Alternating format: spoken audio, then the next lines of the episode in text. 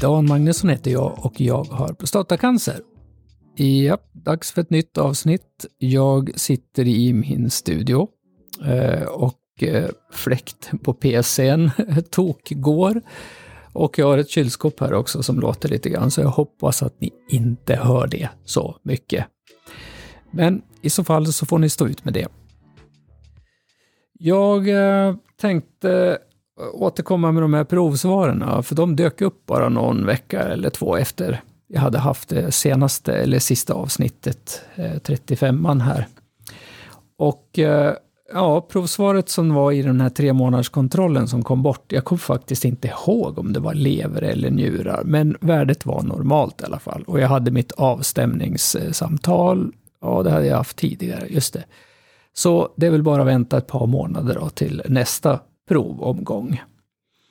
Eh, sen hade jag ju också den här eh, neurologiska undersökningen där man testade mina nerver i benen och den har jag också fått ett brevsvar på ifrån hälsocentralen att allting var normalt. Och, och det känns ju eh, jäkligt bra såklart, samtidigt som det känns okej, okay, vad är det då då? Men nästa steg i det, stod det också i mitt brev, det var att eh, nu blir en, det är skickat en remiss till magnetröntgen där man ska se om det finns någonting, nerver i ryggen eller någonting som man kan identifiera. Eh, och det låter ju också bra. Det som kanske låter mindre bra, det är ju så här, ja, och ungefär så att ja, men hittar man inget där så får vi väl släppa det här då. Och det känns ju lite jobbigt ändå, kan jag ju tycka. För jag menar, jag har ju massa symptom som inte känns så bra. Eh, men ja, eh, nej, då ska liksom utredningen eh, avslutas då. Och jag har ju fortfarande liksom stickningar och pirrningar i benen och det ryser i kroppen och jag domnar. Jag får yrsel ibland.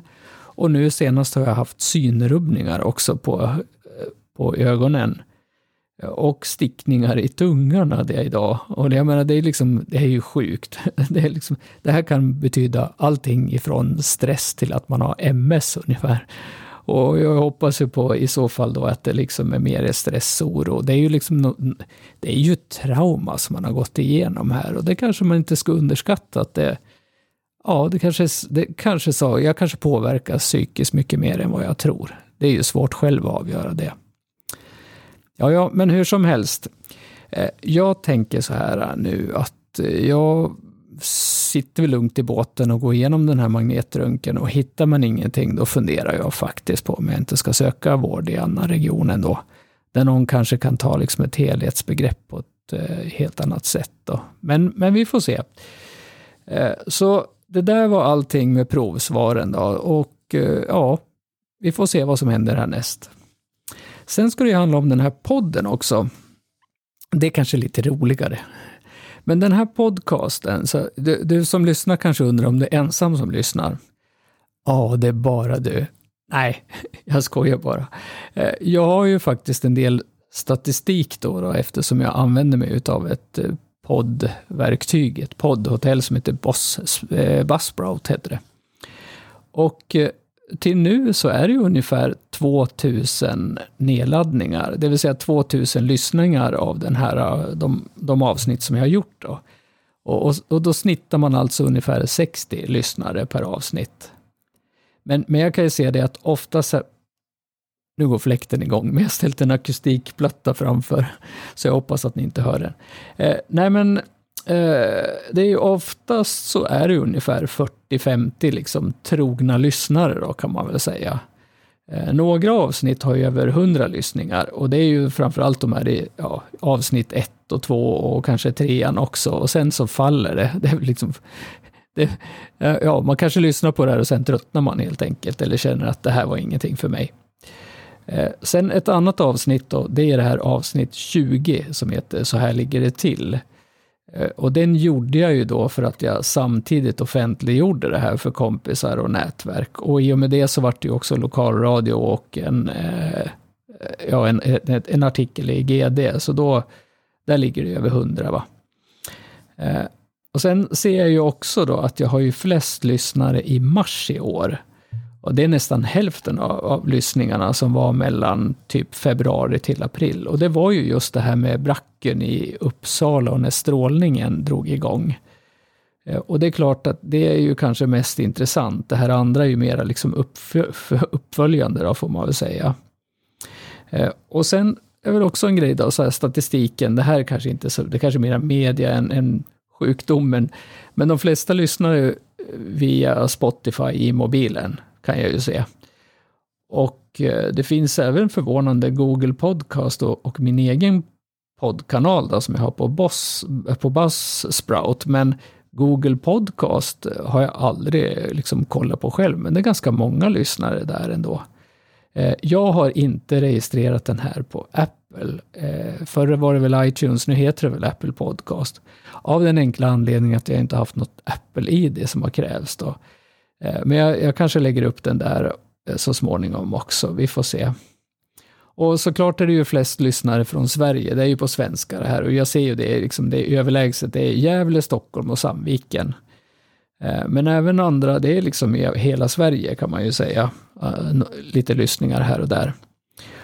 Och även en del utomlands också, efter, det är ju på svenska, men flest lyssnare är ifrån USA. Och jag har även en del lyssnare i Asien och övriga Europa. Och, och det här vill jag liksom väldigt, göra väldigt tydligt att jag, jag, vet inte vilka ni är, alltså det är väldigt anonymt. Eh, och jag berättar heller inga liksom enstaka orter eller någonting för att man inte ska på något sätt kunna bli identifierade. Då. Eh, men, men så är det liksom. Så det, ja, men vad, vad, säger man om det där då? Jag har egentligen ingen, ingen, ingen åsikt om det, för jag, jag marknadsför ju inte den här podden. Jag har ju ingen anledning. Jag hoppas väl snarare att podden ska få, ska få rätt lyssnare. Eh, och också att podden ska få leva vidare på sikt. Då. Eh, jag lyssnar ju själv på fyra, fem, sex år gamla podcasts som, om, om, eh, om, om prostatacancer med, och det var ju stor behållning utav det tycker jag, bara att det fanns någonting då. Men vi får väl se, jag kanske ber om ett ekonomiskt stöd då, senare. Just nu så kör jag det här liksom som en del av firman också då. Men jag betalar ju ändå några tusen lappar om året. Men, men jag hoppas att det här ska kunna få ligga kvar. Och jag hoppas verkligen att det ska vara till nytta. För jag menar om vi är över 10 000 män per år som får prostatacancer så är det ju säkert några tiotal, kanske hundratal som går ungefär genom ungefär samma process som, som jag. Då. Och eh, om jag får gissa eh, lite grann, killgissa får vi väl säga, eller kanske gubbgissa ska vi säga. Jag tror ju ändå, och det, det baserar jag på de här amerikanska sajterna som jag brukar lyssna på, jag tror ju ändå att strålningen på sikt kommer att bli vanligare än, än vad operation är.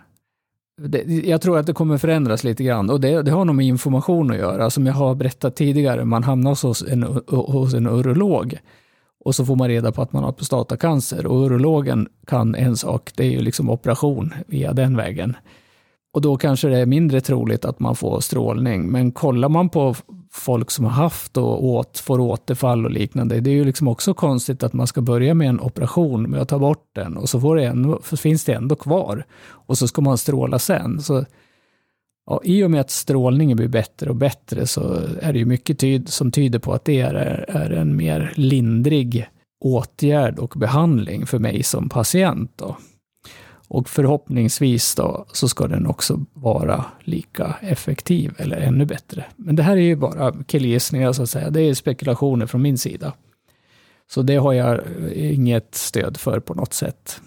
Men hur som helst så oavsett om man går igenom strålning eller operation så har man ju ändå eh, ungefär samma tankar och sånt som är runt omkring och uppföljning. För det måste jag ju säga så här i efterhand att det har ju, alltså prostatacancern, även om jag inte just nu har någon så här dramatisk behandling, det är nog dramatiskt med de jävla hormonblockerarna, men trots allt så inser jag ju nu att det påverkar ju mig som person mycket, mycket mer än vad jag trodde. Så är det ju liksom.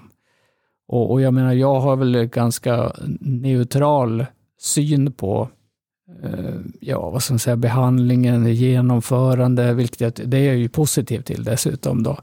Men liksom framtiden, och jag tror att man funderar lika mycket på den oavsett eh, vad man har gått igenom för behandlingsmetod. Och det har väl mera att göra som person då, för jag, jag har ju svårt att, liksom att känna mig frisk. Eh, och det kanske man, så kanske det blir resten av livet då, att man inte kan känna sig riktigt frisk. Och de tankarna kan nog finnas kvar på många. Medan det, ja, medan vissa då tycker att nu är jag botad, hej då, och så kör vi. Men, men som jag har sagt tidigare, vi är olika. Vi reagerar olika och vi funderar olika. Ja, nästa gång så är det väl, ja, kanske om ett par månader så är det väl nästa gång jag får testa igen då på provsvar och liknande. Så vi får väl se när nästa avsnitt blir. Tills dess, ha det så himla bra.